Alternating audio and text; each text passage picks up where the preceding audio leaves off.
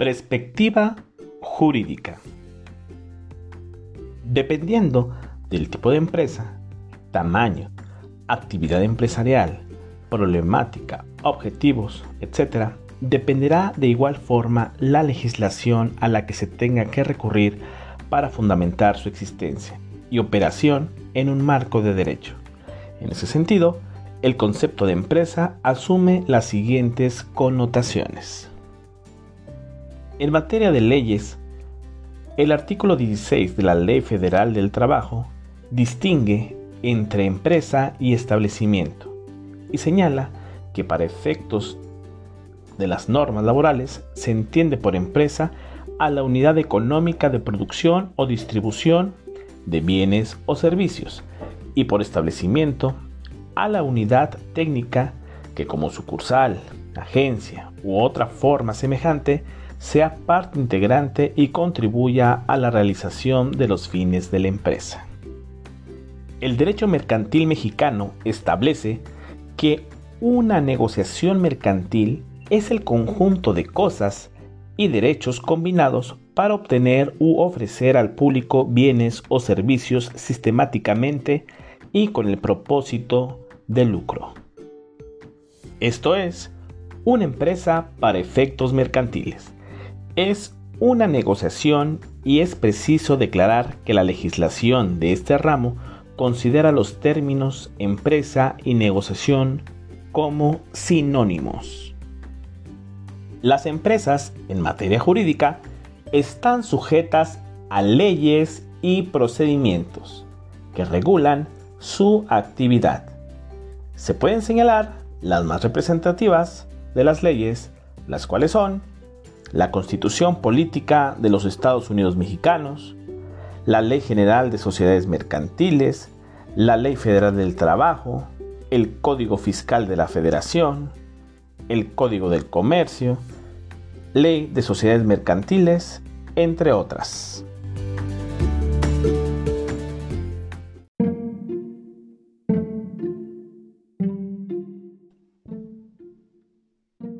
¿Qué tal jóvenes de formación para el trabajo de la disciplina de administración? Un gusto estar en contacto con ustedes. En esta nueva entrega veremos los orígenes de la empresa. Los antecedentes más próximos de la empresa, como unidad de producción o unidad económica, se remontan a los gremios medievales de artesanos, comerciantes y banqueros. Sin duda, desde la antigüedad, el hombre se agrupó para fabricar sus enseres y satisfactores básicos, pero fue, en la Edad Media, cuando la noción del gremio formalizó las unidades de trabajo y producción de manera más consistente.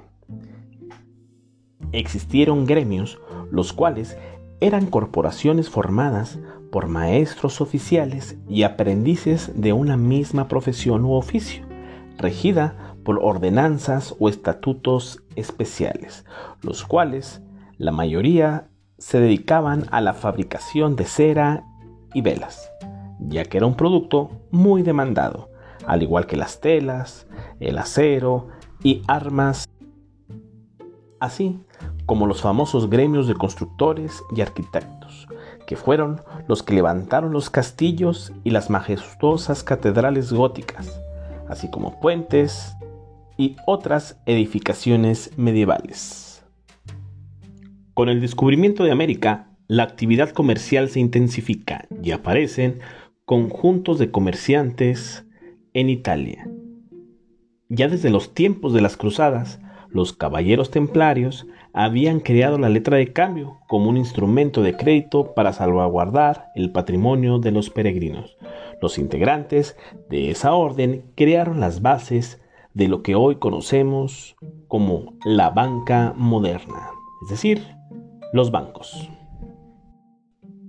Pasando el tiempo, las formas artesanales de la producción se transforman radicalmente con la llegada de la máquina de vapor y otros artefactos movidos por el carbón. La revolución industrial en Inglaterra y más tarde en el resto de Europa y en América vino a traer y modificar los procesos de producción, creando las fábricas y todo el movimiento económico y tecnológico y empresarial del industrialismo.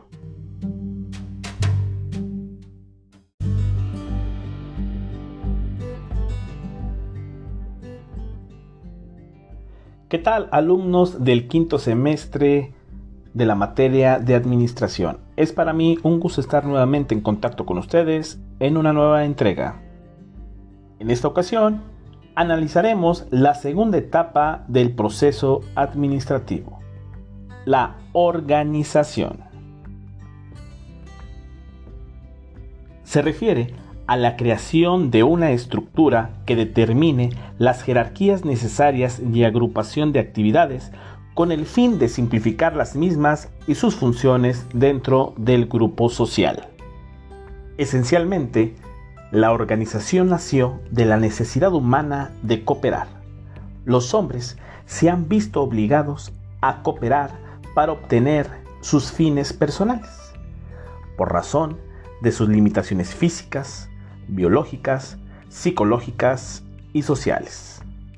En la mayor parte de los casos, esta cooperación puede ser más productiva o menos costosa si se dispone de una estructura de organización.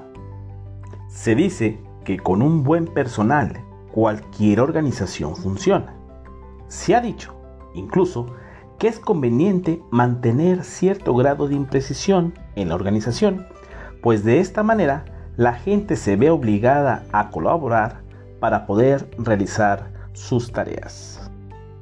Con todo, es obvio que aún personas capaces que deseen cooperar entre sí trabajarán mucho más eficientemente si todos conocen el papel que deben de cumplir y la forma en que sus funciones se relacionan unas con otras. Este es un principio general, válido en todas las administraciones de empresas como en cualquier otra institución. Así, una estructura de organización debe estar diseñada de manera que sea perfectamente clara para todos. ¿Quién debe realizar determinada tarea y quién es responsable por determinados resultados? En esta forma, se eliminan las dificultades que ocasiona la imprecisión en la asignación de las responsabilidades y se logra un sistema de comunicación y de toma de decisiones que refleja y promueve los objetivos de la empresa. En la etapa de organización existen elementos que ayudan a la buena conjunción de la organización. Estos son la división del trabajo y la coordinación de actividades, todas estas reflejadas en lo que son los organigramas. Nos vemos en la siguiente entrega. Saludos.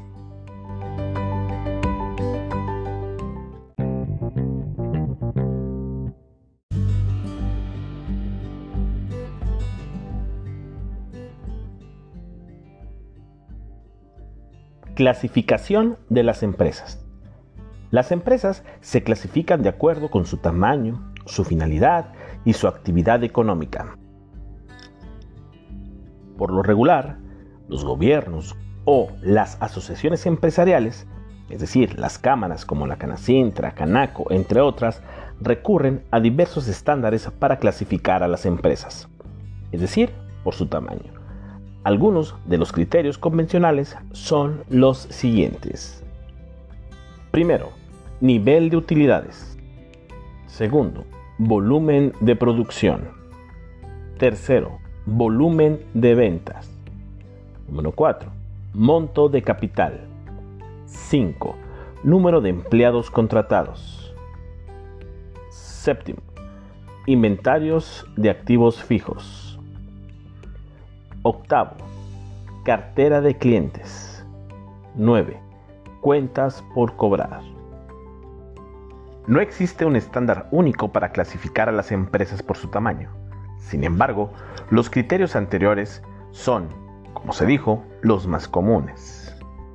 Como pudieron hacerlo en su actividad anterior, en donde se les pidió analizar y redactar el artículo 16 del Código Fiscal de la Federación, se pudo considerar como empresa a la persona física o moral que realice las actividades que refiere el artículo, en donde señala al área industrial, comercial, agrícola, ganadera, pesqueras y silvícolas. En México, las dependencias responsables de preparar y presentar información en ese sentido son la Secretaría de Economía, la Secretaría del Trabajo y Previsión Social, la Secretaría de Hacienda y Crédito Público, el Instituto Nacional de Geografía e Informática, el INEGI, el Instituto Mexicano del Seguro Social, el IMSS, y las cámaras empresariales como son la CONCAMIN, la Canaco, la Canacintra, la Coparmex y Concanaco, entre otras. En cuanto a la clasificación de las empresas por su tamaño, bajo este criterio, las empresas se clasifican en micro, pequeñas, medianas y grandes. La clasificación oficial del Gobierno de México ubica a las empresas con base en el número de personas que tienen contratadas.